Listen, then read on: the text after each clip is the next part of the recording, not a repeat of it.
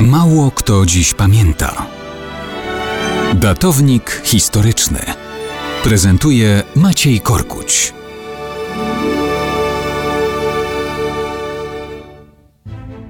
Kilka dni temu opowiadaliśmy, jak Mesjusz Decjusz został przez rzymskie legiony obwołany cesarzem i pokonał w bitwie pod Weroną panującego Filipa Araba. Obejmuje tron, szybko się ustawia, rozdawnictwem funduszy zdobywa popularność w Rzymie. Wydaje się, że przed nim całe stabilne lata panowania. Chce umocnienia panującej religii poprzez prześladowania chrześcijan.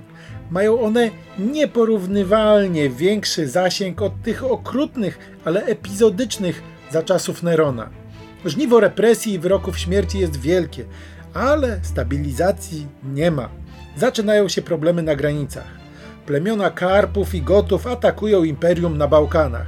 Germanie przeprawiają się przez Dunaj. Sytuacja robi się napięta. Decjusz w końcu osobiście wyrusza na Bałkany. Staje na czele wojska. Jest rok 250. Pod Nikopolem dosłownie miażdży germańskie armie. Goci wycofują się. Pewni siebie Rzymianie podążają ich śladem. Wtedy to ich pycha zostaje ukarana. Mimo przewagi zostają zaskoczeni przez wroga pod Beroją i rozbici w drzazgi. Teraz to Rzymianie muszą zbierać siły. Niedawno pokonani Germanie są górą. Bez przeszkód panoszą się w granicach imperium. Decjusz czeka do wiosny. W 251 roku rusza do walki.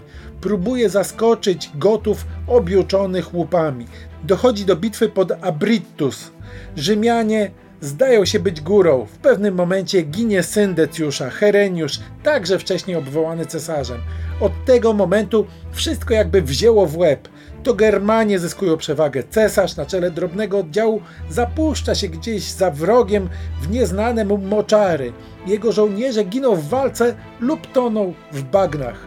On również tam znajduje śmierć. Ale czy ginie w walce, czy tonie w moczarach, tego już nikt nie wie i się nie dowie.